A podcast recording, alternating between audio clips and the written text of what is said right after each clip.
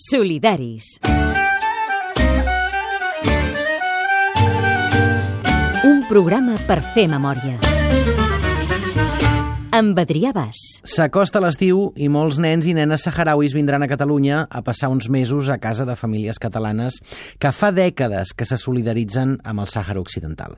Per si us plantegeu rebre un d'aquests nens a casa vostra, sapigueu que és un gest molt constructiu i que crea llaços que a vegades són de per vida. La Marta Molina ha conegut la vida Mohamed, una cooperant saharaui que treballa per promoure la resistència no violenta i que quan era petita va passar molts estius a Catalunya. La xarxa Molina.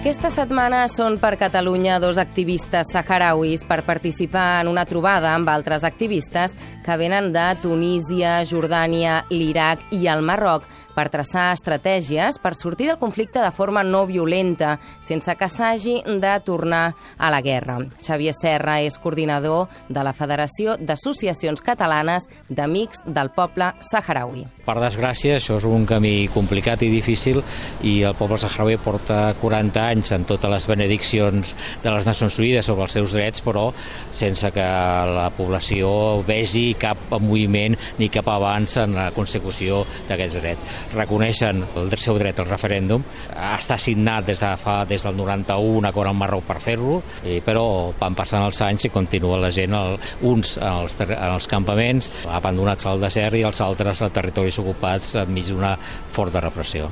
Durant aquest mes d'abril, el Consell de Seguretat de la ONU s'està reunint per valorar si renoven un any més el mandat de la missió de les Nacions Unides per al referèndum del Sàhara Occidental. Hassan Alia va ser un dels líders de l'acampada de Mizik i actualment en refugiat polític a l'estat espanyol. Està sent processat en el marc dels judicis als 25 activistes organitzadors de l'acampada. Estoy condenado a cadena perpetua en un tribunal militar. ¿Y por qué? Eh, solo por el hecho de organizar un campamento como, eh, el 15M aquí, en, por ejemplo, en la Plaza eh, Cataluña, eh, pues salimos miles y miles de personas, mujeres, hombres, ancianos, niños, y acompamos una 15 kilómetros de la ciudad de Layún, que es la capital del Sahara Occidental, y ahí hemos decidido que no vamos a volver a nuestras ciudades hasta cumplir nuestros derechos sociales y políticos y eh, hemos vivido unos 28 días maravillosos porque hemos conseguido por primera vez vivir libremente los saharauis entre los saharauis bajo nuestras jaimas porque la jaima para nosotros es algo muy importante en nuestra, eh, nuestra cultura. Eso empezó, este campamento, este acto, pues empezó el día 10 de octubre del 2010, 10, 10, 10 ha sido casualidad, y se terminó el día 8 de noviembre, donde saltaron los militares, donde asesinaron a personas, incluso a niños.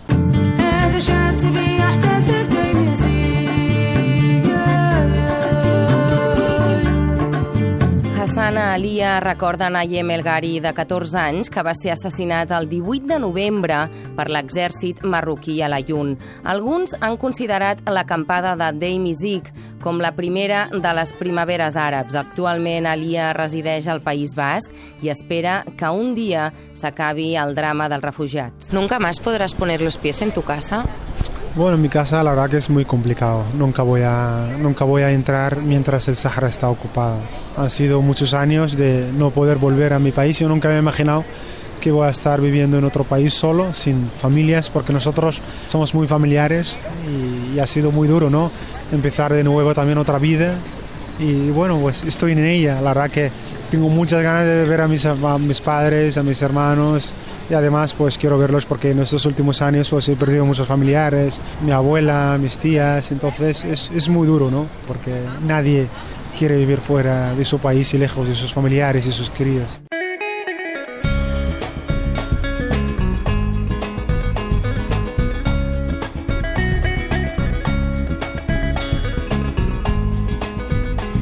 Abida Mohamed té gairebé 30 anys, ha nascut als camps de refugiats i encara hi viu.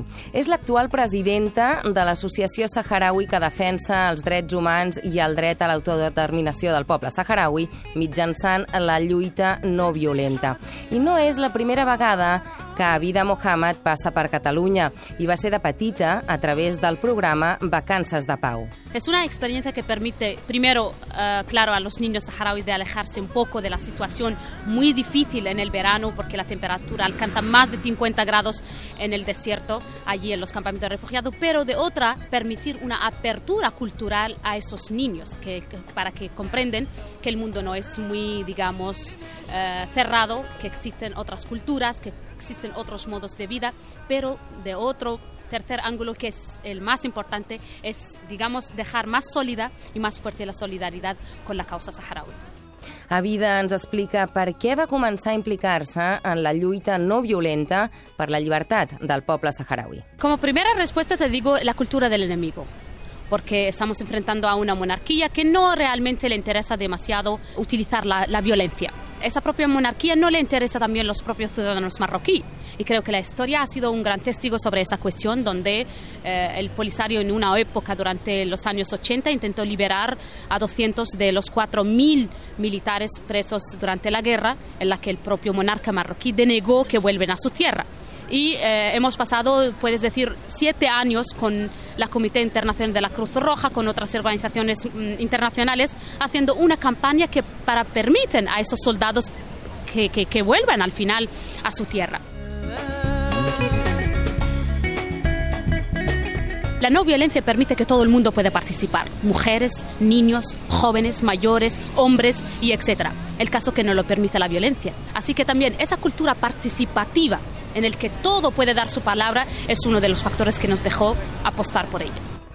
Abida és una de les refugiades saharauis que continua vivint al desert en unes condicions extremes i sobrevivint només gràcies a l'ajuda internacional. Mentrestant, l'estat espanyol continua sent la potència administradora del Sàhara i perpetuant el procés de descolonització del Sàhara Occidental. Tot i així, Abida destaca l'alegria del poble saharaui com a motor per l'esperança. Yo siempre he dicho que los saharauis, en vez de enfrentar a una, una opresión, a una fuerza de ocupación, enfrentan también diariamente a la propia naturaleza. La vida en los campamentos no es fácil. Es un campamento de refugiados en el que eh, diariamente luchas para seguir. Pero hay cosas que el mundo no sabía, que a pesar de la dificultad de, todo, hay una gran esperanza porque no lo que estoy yo diciendo es, el testimonio de todos los que han visitado los campamentos, que hay un grado de alegría, un grado de esperanza en, en la población saharaui que es inigualable en todas las, eh, digamos, poblaciones refugiadas en el mundo. Como también eh, allí se percibe la resistencia, que todavía se espera algo, algo mejor, una vida mejor. Hassana Alia i Abida Mohamed insisteixen que mentre el govern espanyol continuï mantenint vincles amb el regne del Marroc, el Sàhara continuarà ocupat, però ells i elles fent xarxa amb activistes no violents. Els dos activistes anuncien que estan organitzant una conferència amb moviments no violents al territori ocupat per finals d'any.